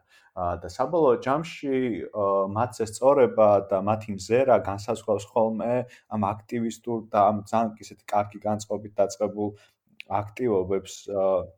იმიტომ რომ აი როგორც კი მოხდები ამ რაღაც ისეთ მედია ფერხულში ეს განსაკუთრებით ეს ჟურნალისტური ბულინგი იციან ძალიან კარგი ქართველებმა, ხო, აი რაღაც ხო ადგილობრივ სივრცეზე ვილაპარაკოთ შევთ რომ კი რეკავთ დღეში 10 ჯერ ხო? რომ აი ეხა ეს კომენტარი მიჩალიჩე და ეხა ეს გამიკეთე და ეხა ის გამიკეთე გეგონება რაღაც ის ხარ რაღაც ამ მედიასთან ხარ დავალებული რომ შენი რეპრეზენტაცია გააკეთოს რაღაცნაირად რა და ამ ნარატივში როგორღაც გაცოცხლოს ხო? საბოლოო ჯამში ძალიან ბევრ ამეში აღმოჩნდა კონტრპროდუქტიული ზუსტად ჩამოუყალიბებლობამდე, მანამდე სანამ შენი ტერიტორია არ გაქვს დაფუძნებული, შენი თავი არ გაქვს კონკრეტულად მონიშნული, საბოლოო ჯამში ასე ცოტათი ისეთი მყიფე პოზიციას კი რომ გაქვს და პატარა აა საზოგადო ძალა, manpower თუნდაც იგივე როცა გაქვს, აა მათთან ურთიერთობამ საბოლოო ჯამში გამოავლინა, რომ აბსოლუტურად კონტრპროდუქტიულია ეს, ხო? ანუ ემსახურება იმას, რომ აა იყოს მორიგი ის, რომ ამ შემთხვევაში ალბათ რა იქნება, რომ ვიღაცები ეწინააღმდეგებიან ჰესებს, მე ვიღაცას ჩაწერენ, რომელიც არ ეწინააღმდეგება ჰესებს და მე გამოვა უზენაესი მსაჯული, რომელიც იტყვის, რომ ჰესები გჭირდება, შუქხა უნდა გქონდეს და ეს იქნება ბალანსი, რომელსაც დაიცავენ საბოლოო ჯამში, ხო და ეს მედია манипуляციის წინააღმდეგ არავინ არ ყველა უძლურია რეალურად, როცა მე თვითონ საუბრობ ესეთ სიუჟეტურ მედიაზე. ამის საპირისპიროდ ბოლო პერიოდშიც და აუცილებლად ზოგადად არამარტო საქართველოში საფლიოში უამრავი სხვა ტაქტიკა არსებობს, რომელსაც აქაური სააქტივისტო და ასე ვთქვათ, პოლიტიკურად აქტიური საზოგადოება როგორც წესი ხშირად არიყენებდა იყო ყოველთვის ორიენტირებული მანამდე წინ სამას როგორც აღნიშნა იმაზე, რომ აი ყოფილიყო მედია ნარატივში და მეს მედია ნარატივის მე რო თქვით, რომ საბოლოო ჯამში არსად არ მინდის, ხო? აა მეც მგონია რომ დრო მოდის და ხვდებით და არა მარტო ჩვენ ბევრი ხვდება კიდევ რომ სხვა გვარი პოლიტიკის წარმოების ისევ ისეთი წარმოების ისევ ისეთი პოლიტიკის წარმოების რომელიც უნდა იყოს სახალხო კართან როცა აკაკუნებ კარზე რო აკაკუნებ თელი დღის განმავლობაში და ყველა ადამიანს რომ ცალ-ცალკე უჩდები და ელაპარაკები ისეთის, ხო? აი ქუჩაში როცა ხარ თელი დღე და საზოგადოებრივ სივრცეებში საუბრობ, ხო? ანუ ნაკლებად ნაკლებად პერფორმატიული, ნაკლებად ვიდეო, ასე ვთქვათ და მეტად უფრო აა კამპანიური, ხო? ესეთი ტაქტიკების აუცილებლობის გაჩენას ხედავ უკვე, ხო? აა და შეიძლება ყველა შევთანხმდეთ რომ ამას ხედავთ. აა შეკითხვა ექნება ესეთი ჩემი რომ აა თუ ხედავთ პირველ რიგში თქვენც ასევე და მე მეორე რასაც ვადევნებთ თვალს ხო განსაკუთრებით წვანე მოძრაობები აა სხვა ქვეყნებში გამოირჩევიან ამ რაღაც ესეთი განსაკუთრებით აა აქტიური მათ შორის არა ესეთ მედიაზე ორიენტირებული, არა ტრადიციული, თუნდაც ხშირად პირდაპირ მოქმედების აქციებით, რომლებითაც ესეთი რომ რომლებითაც იკავებენ ძალიან ბევრ პოზიციას და საბოლოო ჯამში ნიშნავენ საკუთარ თავს და საბოლოო ჯამში ბევრ გამარჯვებასაც აღწევენ. ან თუ ფიქრობთ ან თუ ხედავთ ასეთი რამის პოტენციალს, თუ ფიქრობთ ახალ ტაქტიკებზე, თუნდაც იგივე კონკრეტულ ნამახანის კამპანიასთან დაკავშირებით, ან ნამახანის კამპანიის მიღმას და საერთოდ როგორ ხედავთ ცვანე პოლიტიკის მომავალს მას შემდეგ ამ გამოცდილებით, რომელიც ამ კამპანიაზე მუშაობით მიიღეთ. გიო შენ კითხვა მოდი პირველად ამჯერად. ხო, ეგ დაგაკონება და ადამიანთან უშუალოდ საუბარი ძალიან კარგი რამეა და გვაქვს მაგის გამოცდილება დიღმის დღის პროტესტისას, ასაც ვაკეთებდით და უბრალოდ დავდიოდით უბრალოდ დიღმის დღეში და იმ ადამიანებს ვუსმდით რა ხდება აქ, რა მოხდება ამ დღეში, სულ რამდენიმე თვეში. აა უმრავლესობამ არ იცოდა ამის შესახებ. უკვე როდესაც აქცია დავაანონსეთ, უკვე სახლებზეც ვაკაკუნებდით ადამიანებს სახლებში ვალაპარაკებოდით, რა ხდება და რატომ ტარდება აქცია და რა რა ელის დიღმის დღეს. ეს იყო რაღაც არაჩვეულებრივი გამოცდილება მართლაც, უბრალოდ ეხა ცხადი ეს ძალიან პრობლემურია, იმიტომ რომ ესეთ პანდემიის ეპოქაში სახლებზე კაკუნი და ადამიანებთან სახლებში ვერ შევალთ და არც უნდა შევიდეთ. ამ ეტაპზე, მაგრამ ხო ნუ ის ფილმით ჩაივლის ეს ყველაფერი იმედია ძალიან მალე და იმედია გაზაფხულიდან ცოტა აა დავბრუნებით იმ დროს, რომელიც ასევე ძალიან არ მოგწონს და ვიბრძოლეთ იმისთვის, რომ ეს დრო როგორც მანამდე იყო შეიცვალოს. აა ცხადია ეს არის ის ტაქტიკა, რომელსაც საქართველოსი ფაქტობრივად არ იყენებდნენ და არ იყენებენ არც პოლიტიკური ორგანიზაციები მათ შორის პოლიტიკური პარტიები, რომელთა კარდაკარი არ ვიცი თქვენ თუ თქვენთან თუ მოსულან, მაგრამ ჩვენთან ძალიან ცოტა ჯერ მოსულან, რამდენიც მახსოვს ეს არის აა ბუკლეტის ხალხში შემოჩეჩება და არანაირი საუბარი და არანაირი ახსნა.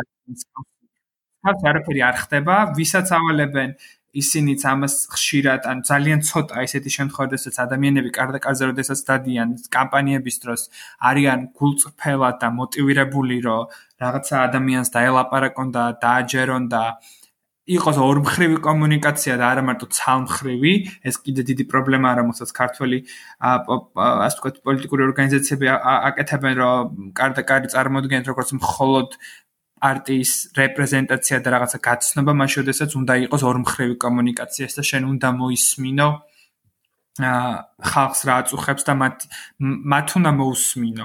ნუ აქ ყველაფერი პირიქით ხდება.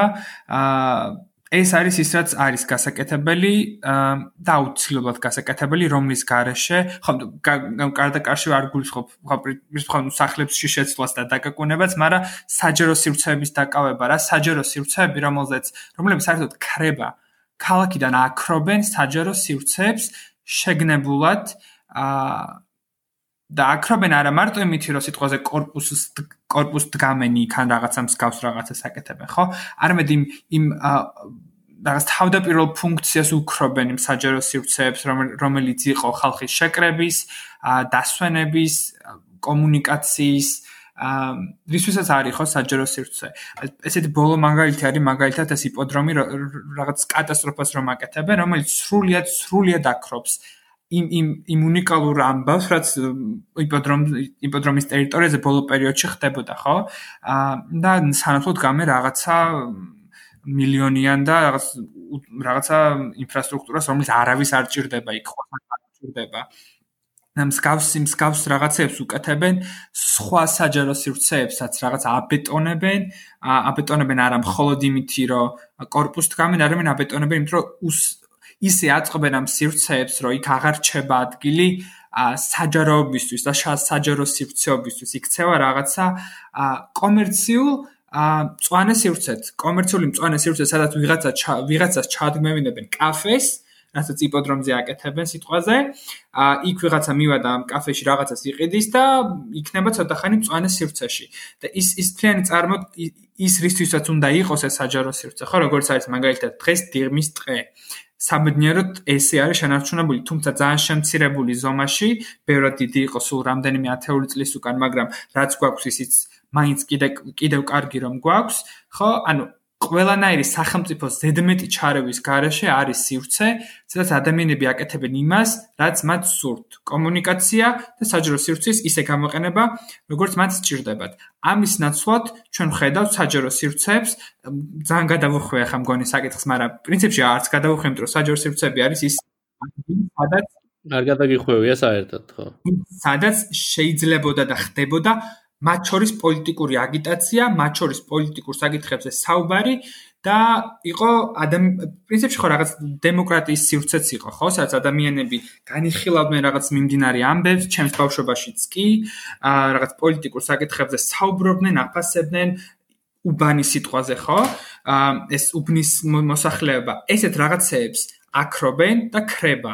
აა და ამაზეც საბრძოლველია და ამაზეც პრინციპში ვიბრძვით, ხო? აა რომ აი ესეთი ესეთი სივრცეები ერთი რო არ გაქრეს და სადაც შემორჩენილია ის ადგილები იქცეს რაღაცა პოლიტიკური საკითხების განხილვის სივრცეებად, ხო?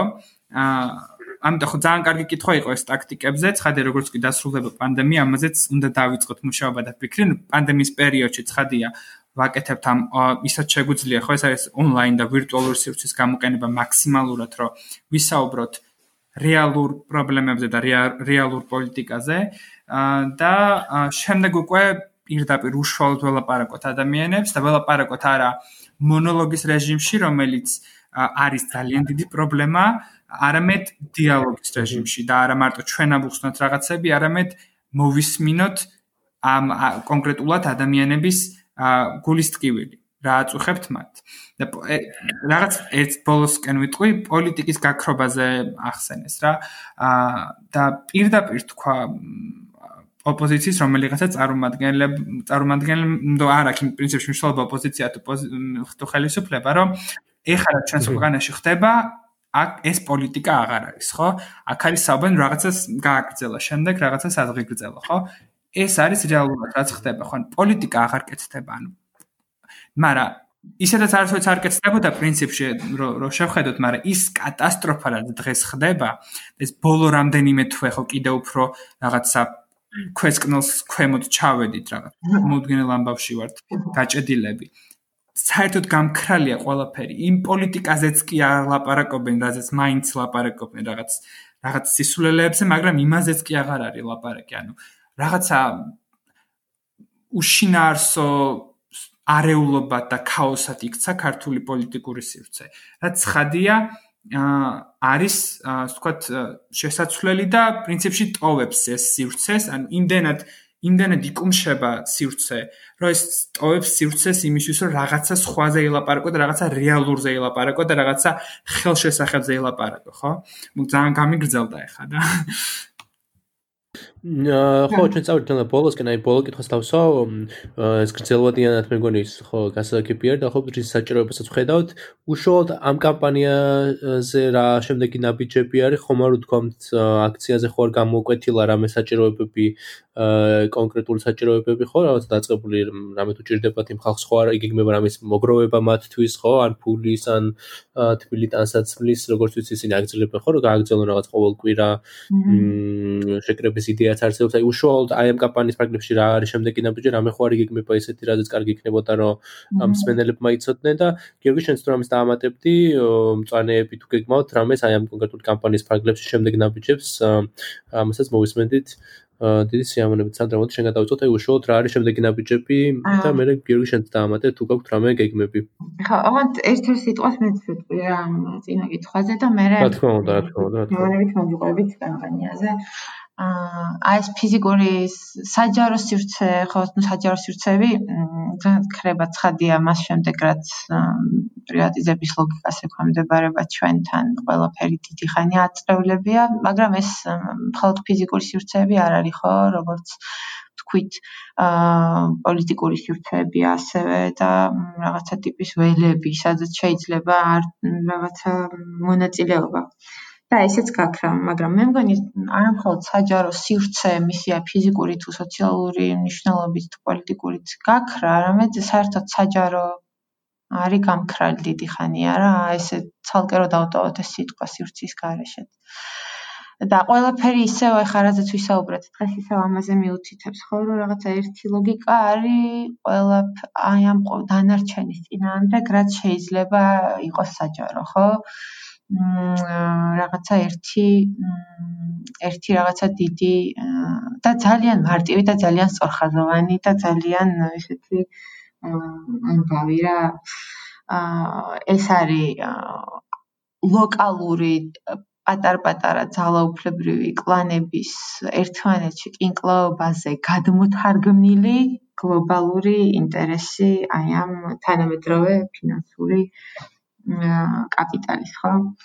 აა და აი ამ მუშაობაზე როცა ვამბობდით, ხო, რომ რაღაცა სხვა ტიპის მუშაობაა საჭირო, ჩემი აზრით ძალიან მნიშვნელოვანია ის, რომ მეორე ისეთი რაღაც ხდება, რამაც ჩვენ არამხოლოდ უნდა გვიბიძგოს სხვა ფორმების შემუშავებისკენ, არამედ თვითკრიტიკისკენაც და ზოგადად თვითკრიტიკა არის ძალიან მნიშვნელოვანი ანუ რაღაცნაირად ჩვენც ეს არის რაღაც იმ ეთიკის ნაწილი, რომელსაც რომელიც რაღაც პოლიტიკური თელიან პოლიტიკური ღირებულებების ნაწილია რა, აი ამ ეთიკის შემადგენელია და რატომ? იმიტომ რომ თუ ჩვენ რაღაცნაირად აი ამ მიმდინარე მოვლენების ფონზე ფონზე თვალს არ გადავავლებთ თუ რა ტენდენცია აქვს აი ამ მემარცხენე მოძრაობებს, მოძრაობები ესე ბევრი არ გვაქვს დიდად, მაგრამ ნუ აქტივისტებს თუ რაღაცა ფართო შრეს ადამიანების ამ წლების განმავლობაში ჩვენ შეგვიძლია თვალსაჩინო ვთქვათ, რომ ეს არის ძალიან რეაქციული, პირდაპირ ძალიან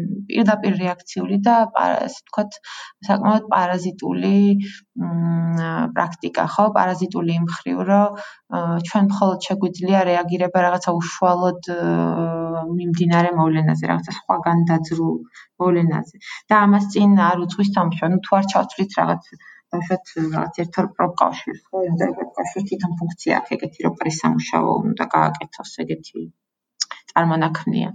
და აი ეს წინარე წინარე სამუშაო, აი ეს რაც ვთქვია, ეს რუტინა, ხო, ეს ყოველდღიური შავი შრომა, რომელსაც უბრალოდ არ აინტერესებს მას მიუშვერენ თუ არა კამერას.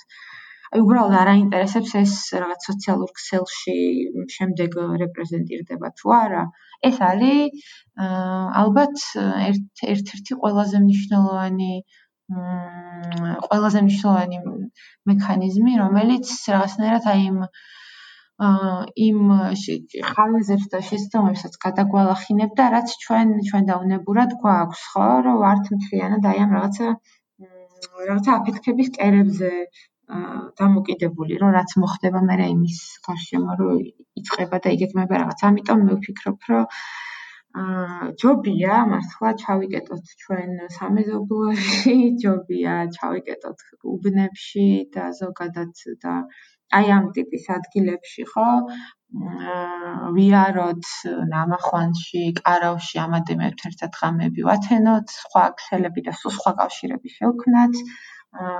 და ნაკლებად ვიყოთ ორიენტირებული აი ამ რაღაცა ისტორიულ რეპრეზენტაციაზე, იმიტომ რომ ისიც უნდა ვთქვათ, რომ ჩვენთან კიდე ძალიან არაჯანს განსაკუთრებით არაჯანსაღია აი ამ სოციალურ ქსელში რაღაცა მ აზრის პოლიცია და აქაც ხო რაღაცა და ისინი ყავს რა, რაღაც ციციკორეები ყავს ვიღაცები, ვინც უკვე აწლევლები არიან და ისინი წყვეტენ, ხო, რაღაც ვის რა პოზიცია.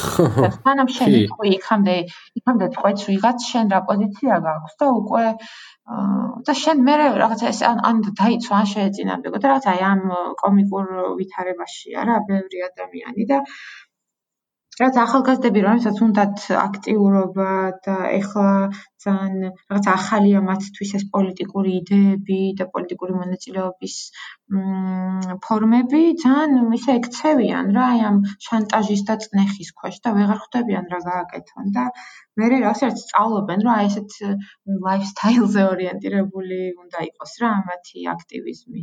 მუდმივად ამ არტიკულაციაზე თუ თავის მართლებაზე თუ შანტაჟზე სხვის შანტაჟზე თუ სხვის შანტაჟისგან თავის დაცვაზე ამიტომ მე ვფიქრობ რომ ძალიან პროდუქტიული და ძალიან ეფექტური იქნება ამისგან აი ამ ყოველფრისგან ცოტა ხნით დისტანცირება. და რაც შეეხება კამპანიას მოკლედ ვიტყვი, ადგილობრივები გეგმავენ ყოველ კვირას აქციას რიონის ხეობაში, იქნება ეს ეკას ოფისთან თუ სხვა ადგილას, მათ ასევე ჰქონდათ რის რის შესახებაც ისინი მუდმივად გვაწვდიან ინფორმაციას თავიანთი გვერდის საშუალებით, რომელსაც ქვია რიონის ხეობის გადარჩენისთვის. რიონის ხეობის გადარჩენისთვის ეს ამ გვერდზე შეგიძლიათ თქვენ ნახოთ ყოველდღიური ლაივ ჩართვები და დეტალურად გაიცნოთ ინფორმაციას. ასევე ჩვენ ჩვენს გვაქვს სოლიდარობის ჯგუფი, რომელშიც ბევრ სხვა და ბევრი სხვა სხვა მიმართულებით მუშაობთ და თუ რომელიმე მსმენელს ამ გადაცემის გავშტება სურვილი ამ ჯგუფში დამატების და რაღაც ტიპის კონტრიბუციის შეტანის ამ კამპანიაში, შეუძლია მოგწეროს და ჩვენ ჩვენთან ერთად იმუშაოს ამ თემაზე. უახლოესი გეგმები არის, როგორც ვიცი, სხვადასხვა ქალაქებში, თავად ადგილობრივების ინიციატივა არის, სხვადასხვა ქალაქებში იქნება ეს წყალტუბა, იმიტომ რომ წყალტუბას მუნიციპალიტეტია თუ ქუთაისი, იმიტომ რომ ქუთაისი პირდაპირ ეხება ეს პროექტი თუ თბილისი და ასე შემდეგ. აქციების ჩატარება, ასევე ჩვენც შეიძლება დავგეგმოთ თბილისში აქცია, ნახოთ შეზღუდვების და აი ამ წესების და ყველა წესების დაცვის საკითხის მიხედვით ხო ეს დისტანცირება და შემდეგ რომ ხელი არ შეუწყოთ აი ამ ეპიდემიური სიტუაციის უფრო გამძაფრებას და და ნუ თავარი ის არის რომ იქ არის 24 საათიანი მუდმივი ფიზიკური წინააღმდეგობა რომელიც უწყვეტად მიდის უკვე ერთი თვეა. და ის რაზეც იყო საუბარი დავშოთ ჩვენსა და ადგილობრივებს შორის არის ის რომ ძალიან კარგი იქნება თუ მორიგეობის სიები გაჩნდება იმ ადამიანების რომლებიც დღის განმავლობაში თუ ყავთ მათ თავიანთი პირადი ავტომანქანა მაგალითად შეუძლიათ რომ ჩავიდნენ რაღაცა ესე პატარ-პატარა ჯგუფებად იმორიგეონ აი ამ ადამიანებთან ერთად გაატარონ ეს დღე თუ იქ ასევე შესაძლებელია დარჩენაც ხო რაღაცა ადგილობრივი საოჯახო სასტუმროები და რაღაცები არსებობს. ამიტომ ეს და რა თქმა უნდა ეს ასევე რადგან ეს პროცესი არის განგრძობითი და არ მთავრდება ამ წუთში და ვიცით რომ რაღაცა შეიძლება დიდხანს გაგრძელდეს. ეს ამ წინამდებობასაც სჭირდება გაძლიერება ცხადია და ასევე ეს კამპანია ძალიან მრავალმხრივი იქნება. იქნება ეს საინფორმაციო რაღაცა მექანიზმებით ხო? სპეციალისტების კიდევ კიდევ უფრო აი ამ დებატების, საჯარო დებატების განვითარებით ამ თემაზე, იმიტომ რომ ასევე ჩვენი მიზანია, რომ ასეთი მნიშვნელოვანი პროექტები, რომლებიც საზოგადოებრივი განხილვის საგანი უნდა გახდეს და რაღაცა ფართო საზოგადოებრივი დისკუსიის შედეგად უნდა ხდებოდეს აი ამაზე გადაწყვეტილების მიღება, ეს პროცესიც არ გვაქვს, ხო? რაღაცა ეს არ არის სამწუხაროდ რაღაც ფართო საზოგადოებრივი განხილვა არ მიდის და ამას ხელი შევუწყოთ და მოკეთ იმის თქვა მინდა რომ ეხლა ეხლა იწყება ეს კამპანიაც და ალბათ ნუ ეს პროცესიც ძალიან საჭიროებს რომ ყველა გვერდში დაუდგეთ და მოკეთ სურველებს შეგვიძლია რომ რაღაცნაირად მიმართულება მივცეთ ან ჩვენ მოგვეხმარონ ან ადგილობრივებს. ასევე არსებობს ანგარიში რომელიც დევს აი ამ აი ამ გვერდზე რიონის ხეობის გადარჩენისთვის თუ უშუალოდ ადგილობრივების დახმარება უნდა ვინმეს ფულადი რესურსებით. ამ ანგარიშზე შეუძლია გადარიცხოს თანხა და ასევე ხო მე მგონი შეგვიძლია უკვე ვთქვათ რომ აი სოლიდარობის ჯგუფი რომელზეც საუბრობდით რომელიც შედგება სხვადასხვა ადამიანებისგან მოქალაქეებისგან ახალგაზრდა მკვლევარებისგან თუ სპეციალისტ დარგის სპეციალისტებისგან ორგანიზაციებისგან თუ თემატური რად მომუშავე ორგანიზაციებისგან, ანუ ფართო საზოგადოებრივი რაღაც ესეთი ფართო ჯგუფია, ბევრი სხვა სხვა ადამიანია გაწევრიანებული და რაღაცნაირად ჩვენ ვცდილობთ, რომ არამხოლოდ ნამახვან ჰესის გარშემო იყოს ეს კამპანია, არამედ ზოგადად აი სამართლიანი ენერგოპოლიტიკისთვის ვიბრძოლოთ ამ ქვეყანაში და რაღაცნაირად ეს ენერგოპოლიტიკა, რადგან ეს იგეგმება, ასე ვთქვათ, პოლიტიკა არის ესეთი, რომ ყველა მდინარეზე უნდა აშენდეს ჰესი და კიდევ ამრავი წინ გვაქვს ამრავი მომავალი ჰესის საკითხი, რომელიც დაგეგმილია და სავარაუდოდ იქაც იქნება ადგილობრივი წინამდებობები, ხო? ამიტომ ეს არის ფართო კამპანია, რომელიც კაცმა ერთის რამდენხანს გაგრძელდება და ჩვენ გვინდა რომ აი ესეთი ზოგადი მოძრაობაც მივაბათ აი ამ საკითხს რომელიც იმუშავებს ყველა იმ ასე ვთქვათ გლობალურ თუ პოლიტიკურ თუ ეკონომიკურ განზომილებაზე აი ამ თემების რაზეც ჩვენ დღეს ვისაუბრეთ აი ამ ეპიზოდში. ამიტომ ველოდებით ყველა დაინტერესებულ ადამიანს ვისაც შემოერთების სურვილი აქვს გიორგი შენ სხვა დამატებდი რამეს მწვანეების გეგმებზე უშუალოდ და მწვანეების კუთხით რა იგეგმება? აა პრინციპში ხო ამ კამპანიაში მწვანეების ცალკე არ ვარ ჩართული როგორც რაღაც ავტონომიურ კამპანიას ამ თემაზე არ ვაწარმოებთ, ანუ ამ კამპანიის ნაწილი ვართ ამ სამართლიანი ენერგოპოლიტიკის და ამ ნამოხვან ჰესის შესახებ, ხო? ანუ განცალკევებით ამ ამაზე ამ ჯგუფის დამოუკიდებლად არაფერს პრინციპში არ ვაკეთებ და ამის ნაწილი ვარ. რაც შეეხება დამოუკიდებელ გეგმებს, არის ის რომ რაც სანდამ სწორად აღნიშნა, რომ ხშირად მემარცხენე საკითხები არის რეაქციულ ფორმატში წარმოდგენილი და რაღაცის წინააღმდეგ გაბრძოლება, ხო, ან გაბრძოლების მცდელობა სამწუხაროდ. არის ის რომ იყოს არა არა რეაქციული, არამედ იყოს რაღაცისთვის, არა რაღაცის წინააღმდეგ, არამედ რაღაცისთვის. იქნება ეს სწორი урბანული პოლიტიკა, იქნება ეს ალტერნატიული განახლებად ენერგიებზე და მის შესაძლებლობებზე საქართველოსში და მის პოტენციალზე. აა როგორც ეკონომიკის ისე დასაქმებისთვის ისე ზოგადად ენერგოპოლიტიკისთვის თუ სხვადასხვა იმ მნიშვნელოვან საკითხებზე რომელიც არის წვანე პოლიტიკის ნაწილი ხო? წვანე პოლიტიკის რომელიც არის მემარცხენე პოლიტიკის ნაწილი ამ ამ ამის გაკეთებას ვაპირებთ. აა გარდა იმ ხო პარალელურად ხადი რაც ვახსენე ეს მედია მედია კონტენტის შექმნა მწვანეების მეშვეობით და ჩვენ ჩვენ პლატფორმის გამოყენებით და მაქსიმალ ხო და ამის გარდა ხო მაქსიმალურად დახმარება იმ ბრძოლების რომელიც მიმდინარეობს. იქნება ეს ეს ნამოხვან ჰესი თუ ზოგადად ენერგოპოლიტ სამართლიანი ენერგოპოლიტიკის თუ იქნება ეს სხვა სხვა წინააღმდეგობები რომლებიც გაჩნდება და გაჩნდა იგივე ლევანისთვის ხო მაქსიმალურად დახმარება ამ კონკრეტული ბრძოლების და ამის პარალელურად გარკვეული პოზიტიური დღის წესრიგი შექმნა ბრძოლა რაღაცისთვის და არა მხოლოდ რაღაცის წინააღმდეგ. ძალიან დიდი მადლობა გიორგი, სანდრა ორივე ძალიან დიდი მადლობა ჩვენც წითელი კეტელი ამ მთელი ამ პროცესის მანძილზე ხადი გავაგზავნებთ ამ კამპანიის გაშუქებას, როგორც კი ჩათვლით საჭიროთ, რომ რაღაც სათქმელი ახალი მსმენელებისთვის ჩვენც როგორც ნახავთ, როგორც როგორც ვითარდება ეს პროცესი, ასევად ამის ნაწილი იქნება ჩვენი პოდკასტიც. ძალიან დიდი მადლობა იმისთვის, რომ მეორედ გვესტუმრეთ და წარმატებებს უსურვებ მწვანეებსაც, ამ კამპანიასაც. და ხო, ძალიან დიდი მადლობა იმისთვის, რაც აკეთებთ თვითონ ამ კამპანიისთვისაც. მადლობა. ჩვენც ჩვენც მადლობა და ჩვენც თვითონ კედელს წარმატებებს უსურვებთ. მადლობა. მადლობა. კარგად. ნახვამდის. ნახვამდის. ნახვამდის.